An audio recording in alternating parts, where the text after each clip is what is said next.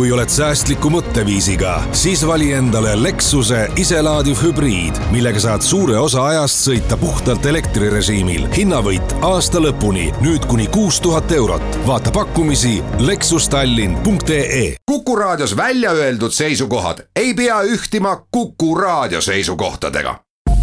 Te kuulate Kuku raadiot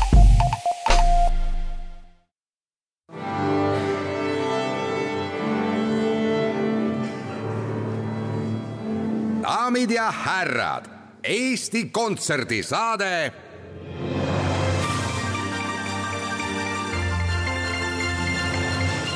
aplaus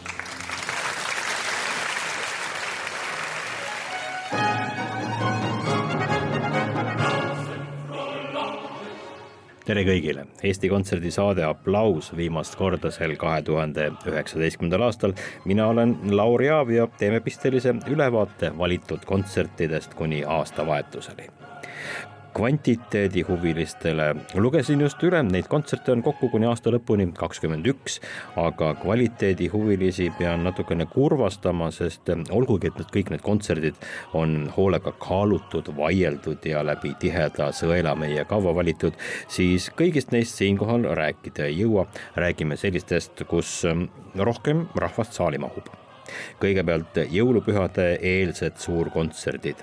Eesti Kontserdi julgeks öelda traditsioonilised jõulukontserdid koos Eesti Filharmoonia Kammerkoori ja Tallinna Kammerorkestriga. Johann Sebastian Bach jõuluoratoorium on tänavu kavas. suur teos, mille alla kuuluvad tegelikult kuus kantaati, mis on Bachil kirjutatud erinevateks kirikupühadeks jõuluajal, alates jõulu esimesest pühast kuni kolme kuningapäevani ja on välja kujunenud selline traditsioon, traditsioon, et kolm esimest kantaati esitatakse enne jõule ja kolme viimast siis pärast kuskil kolme kuningapäeva paiku. seega seekord kolm esimest kantaati, Jauchet frohlocket auf preisetit Tage, siis Undes waren Hirten in derselben Gegend ja Herrschendes Himmels erhöredes Lallen Elina Šimkus, Iiris Oja, Nicolas Mulroy ja Olari Viikholm on solistid ja dirigendiks on Kaspar Sputnitš Bachi jõuluoratoorium kahekümnendal detsembril Tartu Pauluse kirikus ja kahekümne esimesel detsembril Estonia kontserdisaalis. garanteeritud jõulumeeleolu looja on see kontsert.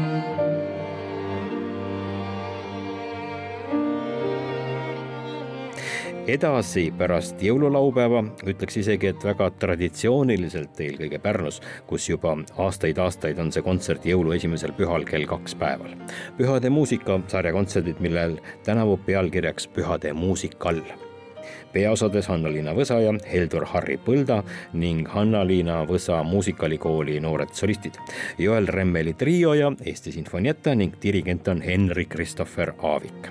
säravaid muusikalinumbreid ja jõulumuusikat otse loomulikult.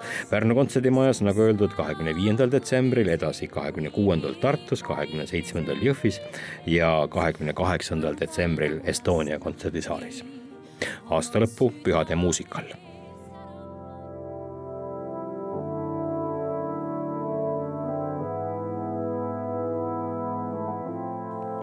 täiesti samal ajal, õnneks kuupäevad sama linnaga küll ei kattu, on tulemas viimaste aegade üks enim kõneainet pakkunud kontsert ja ka plaadiesitlus.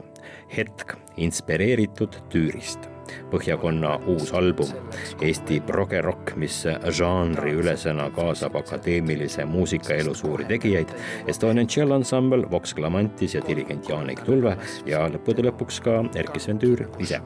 Valter Soosalu, solist ja peamine muusika autor on täna meie külaliseks. tere, Valter! Tere, sa nihutad oma tegevusega täiesti häguseks piirid klassikalise ja rokkmuusika vahel, sa oled klassikalise haridusega koorijuht ja laulja, said Eestis tuntuks eelkõige rokkmuusiku ja heliloojana ja nüüd teed kontserdi elava klassiku Erkki Sventüüri varase rokkmuusika perioodi teostega, arranžeerides neid hoopis palju klassikalisemas võtmes, kui Erkki Sven kunagi ise planeeris. kus mm -hmm. need piirid lähevad, on need piirid üldse olemas, kas neid piire on vaja? minu jaoks on need piirid alati hägusad olnud või kuidagi, et ma otsin või juhindun pigem sellest energiast, mis muusikas sees on ja nii, kuidas mulle tundub, siis Erkki Sven Tüüri muusikas need piirid samamoodi ei ole üldse nii selged võib-olla, kui tahaks teinekord lahterdada midagi kuhugi poole, et noh, näiteks ongi seesama näide, et meil on Inspe lood, mis on seatud tšellodele.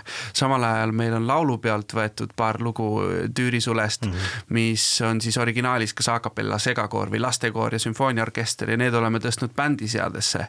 ja nagu näha, siis sõltumata sellest seadest, need lood äh, mõjuvad enam-vähem sarnaselt ja neil on äh, selline äh, koosseisust sõltumatu energia, et nad elavad igas koosseisus oma elu, aga võrdlemisi orgaaniliselt. see Inspe esimene, see sinine plaat mm, -hmm. sa oled selles eas, et sa ei saanud sellest plaadist vaimustuda siis, kui see ilmus, millal ja kuidas sa selle enda jaoks üldse avastasid? mäletan seda plaati ühena paljudest meie lapsepõlvekodu elutoa nurgas kus meil oli päris äh, hea hulk erinevaid vinüülplaate, seal oli veel Mike Oldfield ja umbes Dire Straitsi ja yeah., ja Appelsin ja mis, mis kõike ja palju klassikalisi plaate ka.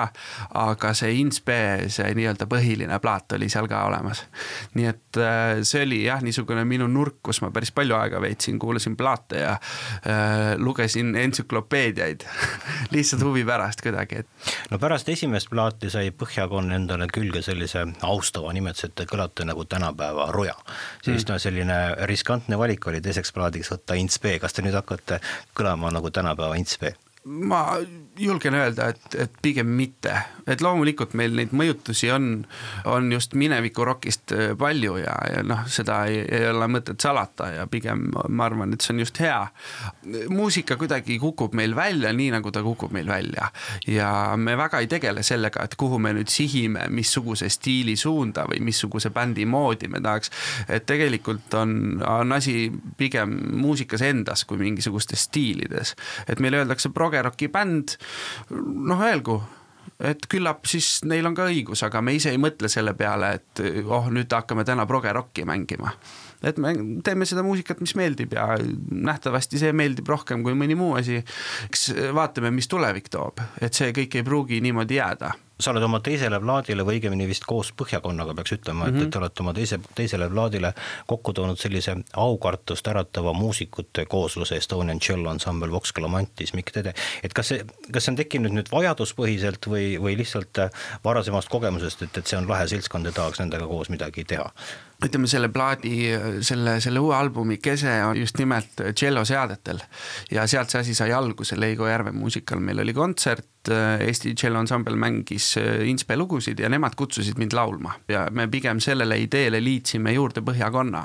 ja nüüd, kuna Tüüri puhul on tegemist ka muuhulgas ometi kooriheliloojaga ja et see laulupeolugude side -hmm. seal tekkis ja kuidagi nii ja eriti veel pidades nagu silmas seda, et ma olen ise kooritaustaga inimene et siis oli soov liita rohkem hääli, rohkem lauljaid, rohkem äh, vokaalset rikkust kogu albumile ja, ja Vox Clamantis tundus selleks kõige äh, ülimuslikum variant üleüldse ja mul on hästi-hästi hea meel, et, et nad sellega kaasa tulid. kas ähm, sellega seoses, et oma plaadile võtsid äh, väga palju Erkki Sven Tüüri teoseid, jäi kahetsusväärsel kombel mõni Põhjakonna oma lugu ei mahtunud sinna sisse äh,? ei, seda ei saa küll öelda, et ikkagi kuna see kese oli Tüüri lugude näol olemas, siis meil oli lihtsalt hea võimalus sinna juurde liita asju, mis tundus, et selle plaadi balansi huvides võiksid seal olla. noh, mis on bändi tegemise puhul kõige üks paremaid asju ongi see, et kui sa teed ühe albumi valmis, siis sa saad teha järgmise. nii et kui meil ka midagi oleks tegemata jäänud, siis noh, me saame seda tulevikus teha. kakskümmend seitse detsember ja Alexela kontserdimaja, selline suur saal, natukene kõhedust tekitav või et see muusika ei ole ju nagu täiesti mainstream ja mm, -hmm. ja, mhm. ja kas tuleb saal täis ja kas teie looming jõuab lavalt äh, sinna lae alla teise rõdu viimastesse ridadesse? ja no see noh, selle kohta öeldakse ka, et kui su plaanid ei tekita väikest kõhedust, siis ei olegi kõige parem plaan. et eks natukene jah, on niisugune äh, kasvamise soov on meil, meil kõigil olemas. ma usaldan korraldajaid kontserdi koha pealt, et see, et minna Alexelasse ei olnud esialgu üleüldse minu idee, aga kui korraldajad ütlevad, et et see on kõige õigem valik, siis, siis ma usaldan neid ja, ja ma arvan, et meil tuleb väga kihvt kontsert ja meie lavalt anname kõik endast selleks, et, et see mõte või see emotsioon või see energia jõuaks iga kuulajani.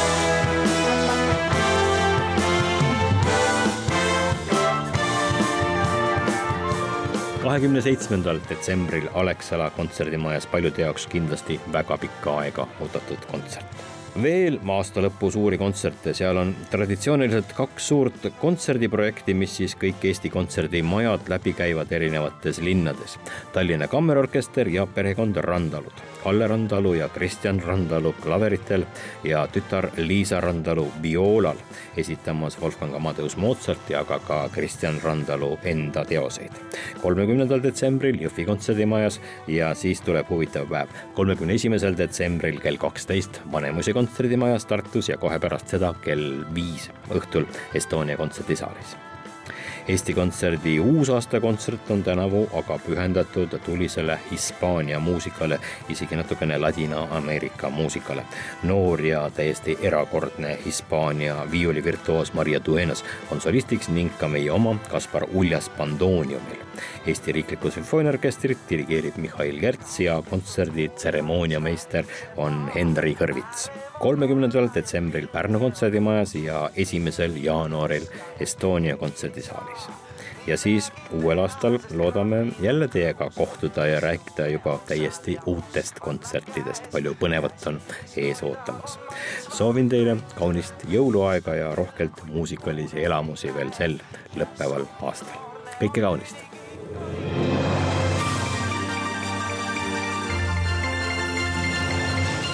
aplaus